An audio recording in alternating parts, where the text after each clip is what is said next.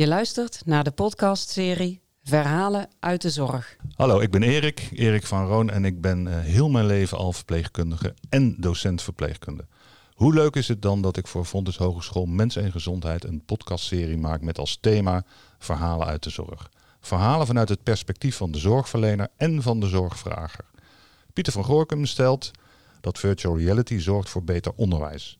Via een virtual reality bril krijgen studenten verpleegkunde te maken met realistische situaties, wat hen beter voorbereidt op het werk. Reden genoeg om met Pieter in gesprek te gaan.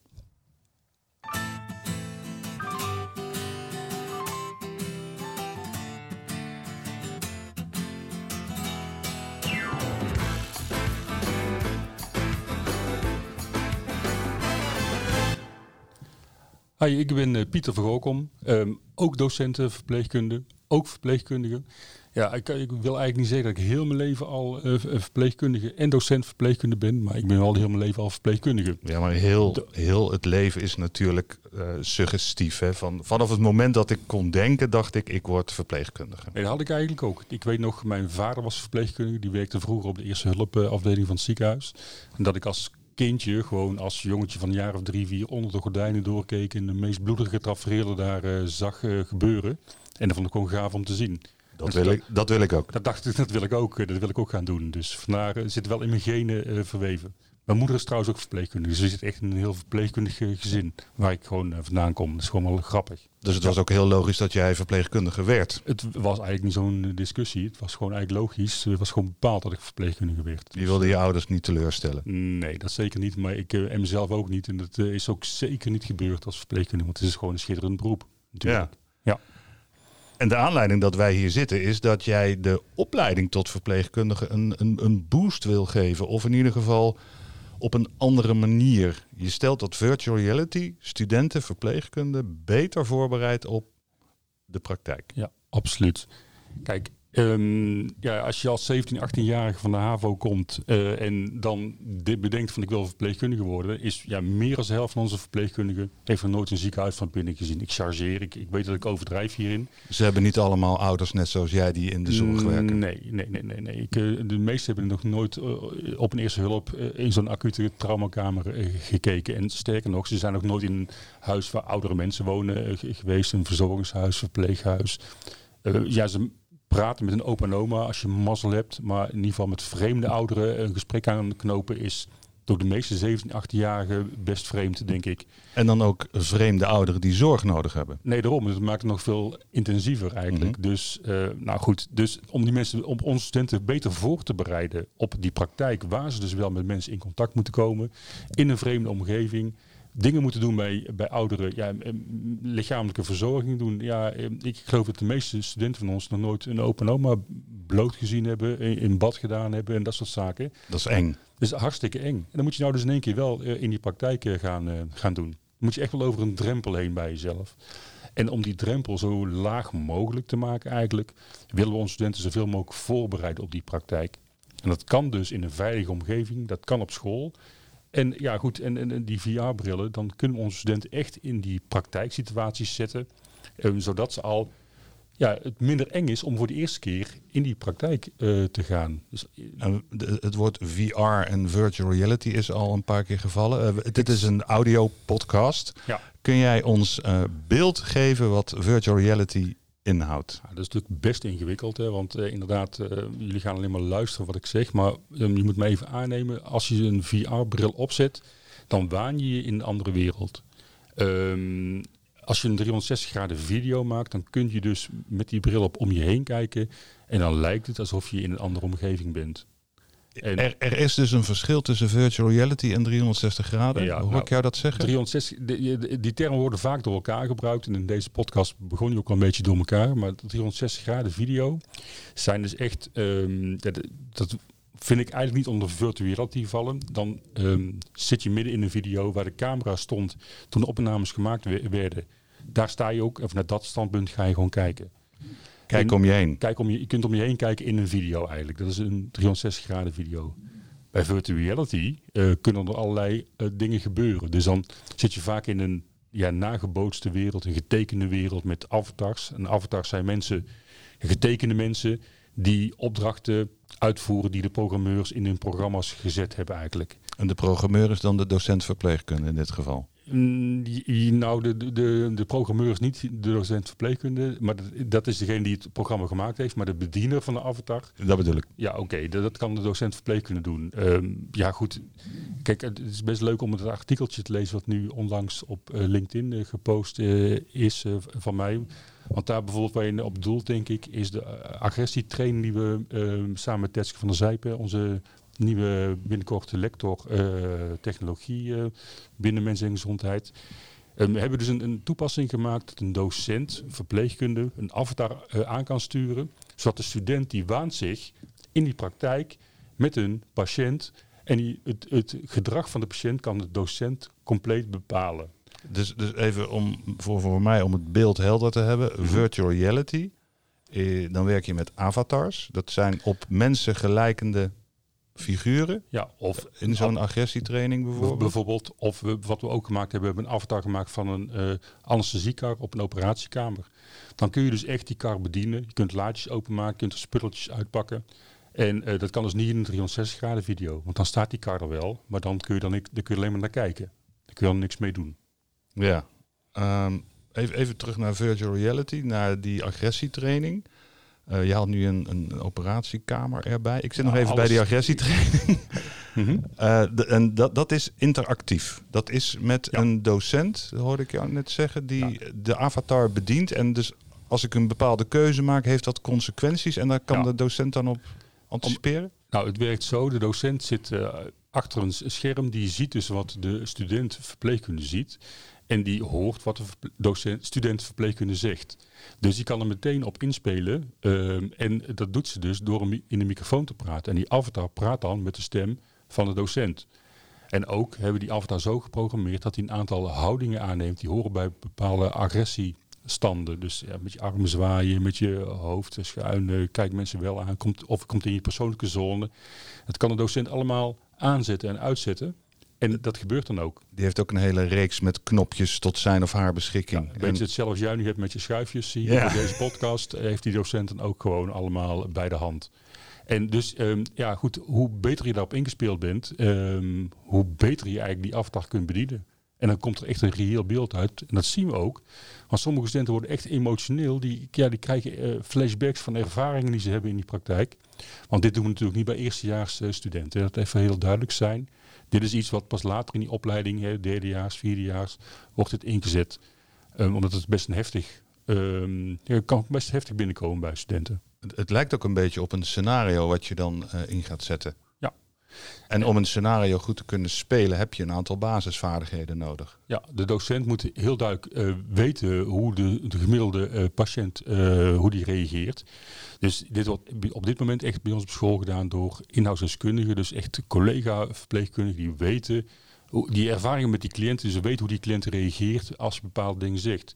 En die kunnen ook meteen dat toepassen bij die, bij student. Zodat je gewoon echt reactie kunt geven die je in de praktijk ook kunt verwachten. Is het een, een één op één situatie? Dus één docent, één student met zo'n virtual reality bril op? Ja, eigenlijk wel. Maar de, de, de rest van de klas of een aantal studenten kunnen meekijken via het grote scherm. Die zien dus de avatar. Die zien ook wat de, de student verpleegkunde gewoon ziet en wat hij zegt. Maar die student verpleegkunde heeft wel het gevoel dat hij alleen in die klas is. En wat je ook gewoon ziet, we doen ook met dit op school ook met simulatiepatiënten bijvoorbeeld. En dan zit de hele klas eromheen en die beginnen een beetje te giechelen. En nou goed, dan voel je je al, al ongemakkelijk. En het gevoel van ongemak, dat krijg je ook nog wel, want die avatar komt heel dichtbij. Maar je wordt niet ongemakkelijk omdat je uit, het gevoel dat je uitgelachen wordt door je medestudent. Want die zijn er gewoon niet. En uh, is jouw ervaring ook dat, die mede, dat, dat degene die die bril op heeft, dat die, uh, die medestudenten ook ja, die zijn er niet. Die zijn er niet, want je hebt een noise cancelling koptelefoon op. Dus het geluid wordt een heel noise cancelling ja, koptelefoon. die heb ik volgens mij ook op uh, nu. Maar dus die, um, ja nee goed, dus die hoor je gewoon niet. En dus je bent echt alleen, eh, ja goed, we kunnen wel het geluiden ook uh, simuleren. Je hoort ook die avatar op je aflopen. Die geluiden zitten er allemaal gewoon in. Als het raam open gaat, hoor je gewoon. Dus het is echt wel uh, best reëel, levensecht gemaakt. Ja. Mooi helder beeld, voor mij in ieder geval op dit moment. Dan naar die operatiekamer. Want ja. dat, dat is weer iets anders. Jullie hebben een operatiekamer gescand. Met een een ja, Matterport-camera. Dus een, een infraroodcamera die we hier op school ook hebben. En het leuke van zo'n camera is, dan kun je gewoon eh, Google Street View beelden eigenlijk binnen in gebouwen maken. Nou, die werd in eerste instantie gebruikt voor onze studenten voor te bereiden op stages. En we hebben nu ondertussen al zo'n 60 verschillende stageplekken hebben we eigenlijk uh, gescand. Maar die scan die hebben we dus omgezet in een beeld in de operatiekamer. En nu kun je dus op school in, met zo'n bril op door een virtuele operatiekamer lopen. En sterker nog, je kunt daar bepaalde handelingen doen. En ze krijgen dan ook een opdracht om een handeling te doen. De handeling is van breng een intubatiebuis in, een tube uh, in. En dan heb je die avatarkaart waar ik het ook straks al over had. Dan kun je alle medicijnen uitpakken, de spullen die je nodig hebt, haal je eruit. En dan breng je ook daadwerkelijk die beademingsbuis bij die patiënt in. Die, die haal je eruit. Hoe, hoe, hoe, hoe, zie ik dat voor me? Met je handen? Of hoe, ja, je, hebt, je hebt die bril weer op. dit is een, een, een, toepassing die denk ik zo'n vier jaar geleden gemaakt is door studenten ICT. Mhm. En toen moest je alles nog met die controllers doen. Maar we zijn nu ook bezig om het omzetten dat je echt met je handen uh, de laadjes open kunt maken en de beademingsbuis eruit kunt pakken, de medicijnen kunt pakken. Controles, je hebt dus van die afstandsbedieningen in je hand? Je hebt, nee, je hebt gewoon niks meer. Je hebt niks meer in je hand. Dus je, nee, maar nu nog? Nu nog wel. Maar uh, ik verwacht binnen, binnen een paar maanden. We hebben het zo omgezet dat je, met je met je blote handen gewoon die spullen uit elkaar kunt pakken. Je voelt niks, maar je ziet alles wel. Je ziet je handen en je ziet welke spul je uit elkaar pakt. Oké, vergeet uh, de controllers, je handen. Dat is de, uh, we hebben een aantal weken vakantie zo meteen en dan... Ja. Oké. Dus ja, de, de, en die handen, ja goed, ik, we hebben dus heel veel al gedaan. Die zie je bijvoorbeeld ook bij het toepassen die we gemaakt hebben met het reanimatieonderwijs. Kijk, um, ik spring een beetje van de hak op de tak misschien, maar goed, dat moet jij maar Ja, ik, ik, moet, ik moet. je vraagt nu aan mij om structuur in de chaos te brengen. Ja, jij, bent, jij bent degene van de structuur hier in deze, in deze ruimte. Mm, vandaag wel, ja. ja. Reanimatie. Oké, dus virtual reality. We hebben de agressietraining, we hebben de operatiekamer. Ja. En nu maak je de move. Uh, je werd getriggerd door die handen volgens mij. Ja. Ja. Naar reanimatieonderwijs. Ja, waar het eigenlijk allemaal mee begonnen is, zo'n acht jaar geleden. Ik heb een opdracht gegeven aan studenten van Hogeschool ICT om um, de, de reanimatietoepassing wat intensiever te maken. Want ja, goed, normaal, de meeste mensen hebben wel eens een keer een reanimatieles gehad. Dan weet je van om twee uur ga ik, eh, moet ik gaan reanimeren. Liggen een aantal pop in zijn lokaal. Er zit totaal geen emotie bij. Ja, je moet wat bewegen. Je doet wat gymoefeningen met die poppen. En dan, uh, ja goed, dan heb je je diploma. Maar in de, echt uh, is het natuurlijk totaal anders. Kijk, ik ben intensive care verpleegkundige van huis uit. Ik heb best veel reanimaties ook echt meegemaakt. En ik zie ook vaak dat echt ook ervaren verpleegkundigen gewoon afhaken. Omdat de situatie gewoon niet herkennen.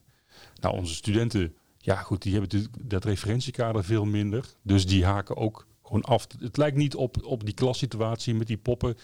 En dan, ja, dan moet je toch maar weten hoe je moet handelen. Nou goed, om dat een beetje uh, te realiseren, hebben we, heb ik bedacht van oké, dan moeten we kijken of we die pop niet kunnen in een echte situatie, in een echte omgeving kunnen liggen. Mm Dat hebben we nu gemaakt met virtual reality. We kunnen de patiënt langs de snelweg leggen. Um, in een ziekenhuiskamer, een Katrine ziekenhuis die ook weer gescand hebben, kun je mm de patiënt leggen. En dan doe je dus een, een reanimatie in het ziekenhuis. Oké. In een scenario wederom. Ook weer in een scenario. En dat is eigenlijk het eindstation van het leren. Want je wilt eerst uh, studenten, mensen aanleren van wat reanimatie is. Dus waarom dat ze gaan reanimeren, wat en hoe. Uh, zit daar ook een, een voortraject aan nee, vast? Dit soort training hoort natuurlijk bij de laatste of bij herhalingstrainingen. En, en ja, goed, die docent, hoe het nou gaat met die instructie, blijft natuurlijk gewoon zo, zo staan. Maar ook he, daar hebben we een stukje virtueel die dingen voor bedacht. Voor die eerste fases van het. Uh, Vertel. nou, bijvoorbeeld bij verpleegtechnische vaardigheden. Uh, ik pak even als voorbeeld, omdat het nu ook allemaal uh, klaar is en gewoon, gemaakt ehm, hebben. Bijvoorbeeld polstellen. hoe doe je dat? Welk, welke materiaal heb je allemaal nodig?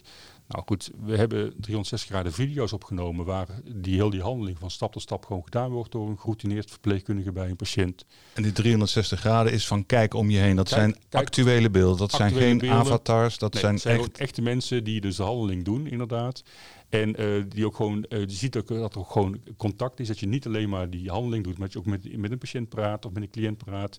Ehm, ja, goed, over de handeling, maar ook over algemene zaken. Dat zie je dus. Dat zie je gewoon Als gebeuren. observant. Je bent niet actief in het Nee. scenario je, bezig. Staat, je kijkt echt wat er gebeurt. Je kijkt wat er gebeurt. Ja. Oké. Nou, de volgende stap is dat dus eigenlijk het protocol door een voice-over eigenlijk ingesproken wordt. eh, Binnen in hetzelfde filmpje eigenlijk. Dus zonder dat er ge- geknipt of ge- gesneden is. Het is echt gewoon hoe, de- puur hoe die handeling gaat met een voice-over eroverheen. En, dan, dus, en dat is echt gewoon het eerste, eerste fase van, van leren. Dan zie je hoe een geroutineerd verpleegkundige die handeling doet. Dat doen we nu doordat een, een eh, vaardigheidsdocent dat in de klas eigenlijk voordoet voor een groep eh, studenten. Een beetje afhankelijk van hoe ver je, ja goed, eh, zeker in de voor-coronatijd stonden er tot zo'n 12 tot 16 studenten om zo'n verpleegkundige heen, om de docent heen. Mhm. Als je achteraan staat, dan zie je die specifieke handeling misschien wat minder goed. Nu heeft iedereen hetzelfde beeld met zo'n VR-bril. En ook, het is niet docent afhankelijk, dus iedereen heeft hetzelfde voorbeeld van die geroutineerde verpleegkundige die het gewoon zeker, gewoon goed voordoet. En ik twijfel niet aan onze docenten, maar er zijn- er toch wat verschilletjes in die gewoon ehm, die opvallen. E- Even een vraagje tussendoor. Je hebt het over, die zien dat in hun bril. Ja. Ehm, ik zit, volgens mij is dat best wel prijzig, zo'n virtual reality bril. Want ik zie jou op jouw op jouw eh, foto van jouw eh, LinkedIn, eh, heb je altijd zo'n bril op. Moeten Ja. studenten echt zo'n grote, naar mijn idee ook prijzige bril op? Of zijn er alternatieven? Er zijn alternatieven. Kijk, op school gebruiken wij de, ja, de Oculus Go. Dat is een wat oudere bril, maar waar 360 graden video's perfect op afgespeeld kunnen worden. We hebben er hier bij- FHMG nu zo'n 16 op twee locaties. Dus acht in Eindhoven, acht in Tilburg. Die gewoon zo in de les ingezet eh, kunnen worden. Dus of eh, je werkt in tweetallen waarvan één de bril op heeft en de ander wat instructies geeft. Of je hakt de klas in twee en doet twee verschillende dingen. Dus die, de, dan kan alle studenten kunnen daar gewoon eh, ingezet worden. Dus in tegenstelling tot eh, agressietraining virtual reality, Ja. waar je één op één en de rest van de klas is dan observant, kijkt mee. kunnen alle studenten nu Hier actief kijken Ja, in hun eigen bril. en gewoon in een klaslokaal. Gewoon, eh, dus je hoeft geen andere ruimte te reserveren of zo. Je kunt er gewoon met die brillen uit de mediatheek. Ja, goed, die moet je dan in je lokaal hebben. Kun je dat gewoon toepassen. Dus dat is echt een, ja, goed, een veel ma- makkelijker toepassing dan eh, die agressietraining en die operatiekamer bijvoorbeeld, waar ik het straks over had. Is volgens mij ook makkelijker te produceren. Absoluut. Om dit te maken bedoel ik dan. Ja. nee, het is zeker makkelijker te produceren. Dus ehm, het wordt ook. ehm, ehm, ja, we, we zijn ook bezig om steeds meer films eh, te te maken op deze manier. En ook met films met keuzemomenten. eh, Dat is de volgende stap. Want als je dan die video eigenlijk gekeken hebt, dan ga je, gaat het dus eigenlijk. is de volgende stap dat je gewoon keuzes kunt maken. Dus da- dan zie je in die 360 graden eh, video, zie je dat er een, ehm, een verpleegkundige bij een patiënt staat. En dan ko- ploppen er gewoon, eh, de film stopt, er ploppen vijf keuzes op. En jij moet nu, nu een keuze maken van welk, ja, wat laat ik die verpleegkundige doen. En het leuke is, al die keuzes, ook de foute keuzes, worden daadwerkelijk ook uitgespeeld door de verpleegkundige. Dus je ziet meteen de consequentie van een foute keuze. En eh, je krijgt dan ook meteen ook weer alweer feedback van die verpleegkundige van ja, waarom dat niet de meest handige keuzes die je gemaakt hebt. En dan ga je een stapje terug en dan hoop je dat dan een betere keuze gemaakt wordt door die student. Foute keuze, goede keuze. Ja. Eh, ik, ik, ik, ik denk van, hey, zou je dit ook als eh, toetsmoment kunnen gebruiken dan? Ja, nou, als je wilt toetsen, nou goed, we hebben het ook wel eens gehad over. ehm, nou, ik denk dat dit een toets is die er toe doet. Als je dan toch per se wilt toetsen, want ja, we leven in een toetsencultuur, dan zegt dit veel meer over wat een student eigenlijk weet dan een ja-nee vraagteken toets of een goed foute toets eh, dingetje waar ik eigenlijk helemaal geen fan van ben. Maar dit- hier laat een student zien dat hij gewoon toe kan passen, de kennis toe, kan passen in een praktische situatie. Dat heeft veel meer meerwaarde voor mij. Ja, dus als ik even terug ga naar die reanimatie. Je hebt een docent of iemand die, die vertelt iets over eh, reanimatie. Want Mhm. dat, met dat voorbeeld kwam je. Eh, die geeft informatie waarom reanimatie belangrijk is. Mhm. eh, Nou, bla bla bla, alles, alles eromheen. Ja. Dan ga je naar de vaardigheid. En Ja. de vaardigheid zien zij in 360 graden eh, helemaal uitgespeeld worden door een ervaren docent. Dan komt er een Eh, dan zie je datzelfde beeld nog een keer. Dan komt er een voice-over. Ja. Die zegt eh, wat er gedaan wordt, wo- eh, moet worden en hoe dat deze ervaren docent dat dan voordoet. Ja. En dan maakten we de stap naar, oké, dan moeten we ze Keuzemomenten. keuzemomenten. Dat is een soort van theoretisch assessment. Dit is heel interessant voor de praktijk, want die vragen natuurlijk van onze studenten, collega-studenten, eh, eh, ja, het competent zijn in het herkennen Ja. van levensbedreigende situaties, zoals reanimatie. Ja, absoluut. En dat leer je dus denk ik niet van papieren kaasbestiek. Of van dat die poppen in de klas liggen en die poppen zien er allemaal hetzelfde uit. Die, tonen, die zien er totaal niet uit als iemand die echt daadwerkelijk doodgaat. Ehm want onze studenten hebben, gewoon, hebben die beelden gewoon niet in hun hoofd. Want die hebben dat nog nooit gezien. En dan verwachten wij als docenten dat ze, als wij daar al iets over vertellen, dat ze meteen een goed beeld hebben. En dat is gewoon echt niet het geval. En met, met VR, met virtual reality, kunnen we dat, dat beeld van de student gewoon echt gewoon veel beter krijgen. Is virtual reality in eh, de zin van virtual reality en 360 graden. Video's, ja. En dan z- zou het theoretisch, en misschien is het, bestaat het al wel, want we hebben het nu over een theoretisch assessment, theoretisch competent verklaren, Mhm. toetsen en dan oké, hier heb je een papiertje. Eh, maar dan kan je het nog niet. Zijn er al eh, ontwikkelingen van, goh, zou je dit nu ook... Want ik, ik wil ze het eigenlijk ook zien doen en daar feedback over krijgen op een of andere manier. Is dat al? Kan je daar iets over zeggen? Ja, dat soort, eh, ja, je hebt dan virtual reality brillen, maar ook augmented of mixed reality brillen. Ja, goed, de, de- nou goed, die kunnen ook dus gewoon het beeld wat je wat als student gewoon ziet opnemen. Je kunt dus eh, al een filmpje sturen naar een docent of naar een assessor of whatever, die dan bekijkt wat, wat heb ik gedaan ter plaatse. En dat is ook toch hartstikke leuk voor het praktijkonderwijs bijvoorbeeld. Ja, goed, ik maak allerlei eh, uitstapjes nu, hier. eh, Ik hier. kan het volgen. Ja, ook als jij het kunt volgen, dan denk ik dat de luisteraar het ook wel eh, zou moeten Dank je kunnen. wel. Denk, denk, ik, denk ik, denk ik, denk ik. Maar in ieder geval, dus eh, ja, dit soort toepassingen kan straks bij, bij maar even iets, wondzorg ingezet eh, worden. Een studentverpleegkundige met, met zo'n bril op. Een, ja, goed, niet een VR-bril, want dan zit je in een eigen wereld. Maar augmented reality, dan projecteer je eigenlijk een, een andere wereld over de standaard wereld eh, heen. En dat kan dus in augmented reality. Nou goed, die bril kan ook gebruikt worden om op afstand iemand mee te laten kijken met wat jij ziet en wat je doet. En dat is toepasbaar ehm, voor zorg op afstand. Ik heb het idee dat er iemand binnenkomt en die niet realiseert dat er een tafel achter de deur staat. Nee, oké, maar goed. eh, Maar goed, ja, dat- eh, ja. nou, gaat het, nou is het duidelijk dat iemand dat je binnen is in ieder geval. Dat Ja. deed de deur dicht. Ja, absoluut. Uh, we hadden het over, ehm, over, over, over het praktisch assessen, eh, toetsen van een reanimatievaardigheid. Mhm. Z- zijn er ook al eh, ontwikkelingen in de zin, want heel belangrijk bij reanimatie is bijvoorbeeld het tempo waarmee je de borstkas induwt, de diepte. Ja. Eh, zijn er eh, ja, feedbackmechanismen, zijn die ook al in te bouwen in die HoloLens-achtige? is eh, in te bouwen. We zijn nu bezig om, eh, ja, die, je hebt ook wat meer advanced poppen die gewoon eh, ja, eh, meten hoe diep je de borstkas indrukt, hoe snel, nou goed. En tegenwoordig gaat het ook met Bluetooth en wat er gewoon kan en wat we mee bezig zijn om dat te realiseren, is dat dus de diepte en de frequentie die jij, waarmee je reanimeert, dat het ook daadwerkelijk in, eh, in, in de bril verschijnt. Dat je meteen ook ziet, en zeker in de oefenmodus, wat je aan het doen bent. Kijk, bij de toets natuurlijk wil je dat niet. Hè? Dat, dan wil je dat de student het gewoon goed doet. Maar zeker bij het oefenen kun je gewoon zien van ben ik gewoon goed bezig. Ehm, ja, de diepte en de, de snelheid en dat soort Dat is wel grappig, want je maakt nu toch het onderscheid tussen een toets en eh, het feedback wat je nu krijgt. Eigenlijk zou eh, die, die toets is, als, als, als ik jou volg in jouw verhaal, eigenlijk helemaal niet meer nodig. Nee, Op het moment als je Klopt, maar dat is wel een beetje de cultuur waarin we zitten. Kijk, wij, wij, wij willen toch dat mensen laten zien dat ze iets kunnen of nou nog iets speciaals ervan te maken of zo. Maar goed, wat mij betreft hoeft dat niet. Want tijdens eh, de les of tijdens het, het oefenen heb je al laten zien dat je het kunt. Moet je dan nog even speciaal, wat dan ook weer druk eh, geeft bij studenten. Eh, extra spanning en dan kunnen ze in één keer niet meer wat ze daarvoor wel konden. Ja goed, ehm, voor mij hoef je niet speciaal nog te toetsen. Nee, nee, nee, inderdaad, ik kan je volgen. Eh, het enige wat je nu nog wel nodig hebt, is denk ik een afspraak maken. Dat, want die pop die is nog niet. Die is er, ik heb hem wel gezien, maar we hebben hem nog niet op school. Ja. Ehm, ik, ik voor, ja goed, nou moet ik even kijken of we weer ergens een budget vrij kunnen maken, maar dan kunnen we daarmee gaan experimenteren.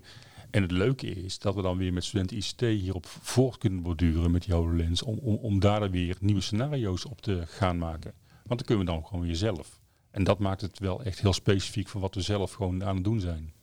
Is FHMG, eh, hoe, hoe, hoe, hoe verhouden wij ons tot andere opleidingen, scholen eh, op, op, op dit gebied? Want ik, ik, ik zie heel veel werelden nu opengaan. Hoe... Ja, nou, ik ben hier dus al zo'n ja, gewoon acht jaar mee bezig eh, ongeveer met heel de basis. En wij lopen heel erg nog uh, in de frontlinie. er zijn er heel veel initiatieven van verschillende HBOV's die hier ook mee bezig zijn. In de frontlinie lopen betekent ook klappen opvangen? Ja, absoluut. niet alles wat we gemaakt hebben is gewoon even succesvol gebleken.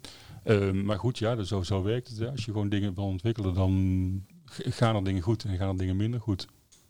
Ja. Dat, dat is zeker waar. Ik had jou uh, van tevoren gevraagd of uh, uh, verhalen uit de zorg, in en rondom de zorg, of dat jij iets van een muziekje had. die jou doet denken aan jouw tijd in de zorg, bedside werkende en onderwijs geven in de zorg. En, ik ben benieuwd uh, wat je uh, gekozen hebt. Ik, ik, ben dus, uh, ja goed, ik, ik, was dus intensive care verpleegkundige. Ik ben, een tijdje heb ik die, die combinatie gemaakt tussen docent zijn en intensive care verpleegkundige. Ja, en toen kwam, dus daar heb ik zo'n tien jaar op school gewerkt. En toen kwam corona. En toen, ja, zeker toen die druk, in, bij, zeker bij de eerste golf, ontzettend hoog werd, vond ik dat ik iets moest doen met mijn vak. De intensive care liepen vol. Er werd eigenlijk een beroep gedaan op mensen om daar iets mee te... Nou goed, ik ben teruggegaan naar intensive care. En ik heb daar gewoon in die eerste golf um, zo'n 14 dagen echt gewoon meegedraaid op die afdeling. Niet meer als intensive care verpleegkundige, want ja goed, ik was er acht jaar uit. Maar ik merkte dat ik toch een hoop van die dingetjes gewoon allemaal nog wel gewoon kende, kon, wist. Uh, en ook wel weer leuk, want ik kon studenten iets intensive care weer toch stimuleren, motiveren, prikkelen om, bepaalde dingen te doen en uit te proberen. Ja, ik heb daar ja, ondanks dat het natuurlijk heel erg hectisch was en kritisch was, uh, maar ik vond het schitterend om nou gewoon weer uh, rond te lopen. En ja, goed, dus mijn muziekfragment heeft daar ook mee te, mee te maken met die tijd. Want juist in die tijd werd door, de DJ van Radio 3, geloof ik, uh, een, een, een, You Never Walk Alone van Gavin de Pacemakers, uh, werd eigenlijk gewoon centraal gesteld. Om op een bepaald moment dat alle radiozenders van Europa, geloof ik, dat die allemaal tegelijk dat nummer uh, gingen spelen. En toen werkte ik ook op de intense care toen het nummer gespeeld werd. Dus nou vandaar dat ik dat gewoon nummer heel startte maar in, Erik, gewoon op de achtergrond. En dit was gewoon. Dit is gewoon schitterend toch om te horen. Through a storm, hold your head up high and don't be afraid of the dark.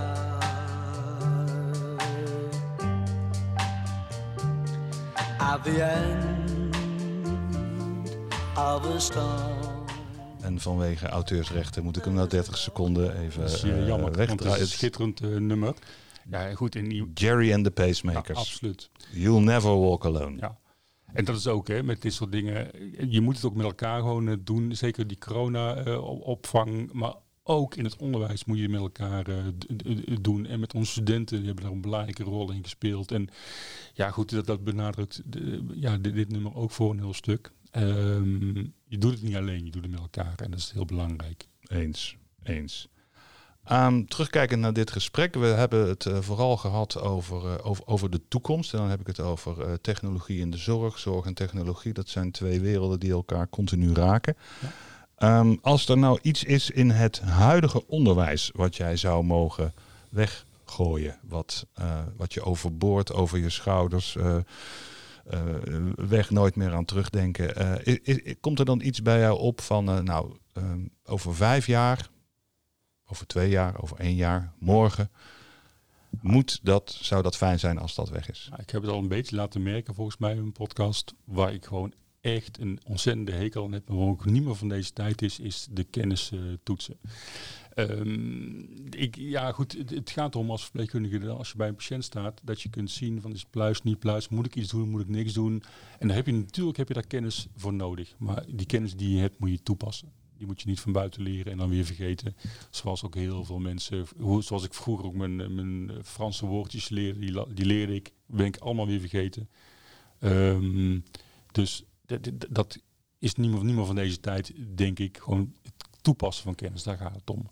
En dan moet je als docent of als assessor of hoe je het ook wil noemen, moet je ook wel weten hoe het eruit ziet. eh, hoe, ja, hoe die patiënt eruit ziet en wat de verpleegkundige daarbij moet doen. En dat is het allerbelangrijkste. Dus doe het, eh, het geluidje maar van het weggooien. Dan eh, roep ik erachter wat ik, eh, het weg, eh, wat ik weg wil gooien. Ja, oké. Ik, ik, ik ga eerst aftellen en dan, eh, eh, dan ga je eh, het, datgene wat je weg wil gooien en dan komt het weggooien. Of misschien is het wel een wegspoel geluidje. Five, four, three, En daar, daar gaan de kennistoetsen de wc door. En spoelen maar. En dan gaan ze gewoon, eh, jongens. eh, ik hoop dat ik het ooit nog voor elkaar krijg eh, binnen onze opleiding. Maar goed, we zien wel of het gaat lukken. En weg. En weg zijn die kennistoetsen. Ja. Toepassen die app. Pieter, ik, eh, we zijn eh, dik een half uur eh, met elkaar in gesprek. Ehm, zijn er dingen die, elementen die nog naar voren moeten komen wat jou betreft, die echt nog... Nee, ik denk het nu even niet, Erik, voor vandaag. Maar ik, we spreken gewoon af. Ik kom nog een keer terug, want we doen nog veel meer met zorg en technologie op onze school. En eh, ook van de expertgroep technologie, eh, de collega's kunnen ook dit soort dingen gewoon prima doen. Maar ik kom gewoon bij je terug. Dus ehm, om nog wat meer dingen uit te leggen. Dus tot binnenkort, eh, luisteraars ook. eh, als ik tenminste mag komen van Erik. Jij mag altijd komen van Ja, mij. hartstikke tof. Dit was de allereerste, je had, je had wel de aftrap, de allereerste aflevering van de podcastserie eh, met als thema verhalen uit de zorg. We hebben geluisterd naar Pieter van Gorkum en eh, zijn eh, koplopersrol heeft hij belicht als het gaat om virtual reality en 360 graden video's met keuzemomenten. Ik hoop dat jullie dit alle heeft geïnspireerd om, om eens bij Pieter langs te lopen. En hij staat daar zeker open voor. Dankjewel voor het luisteren. Dankjewel voor het luisteren, moet ik zeggen. En tot een volgende keer.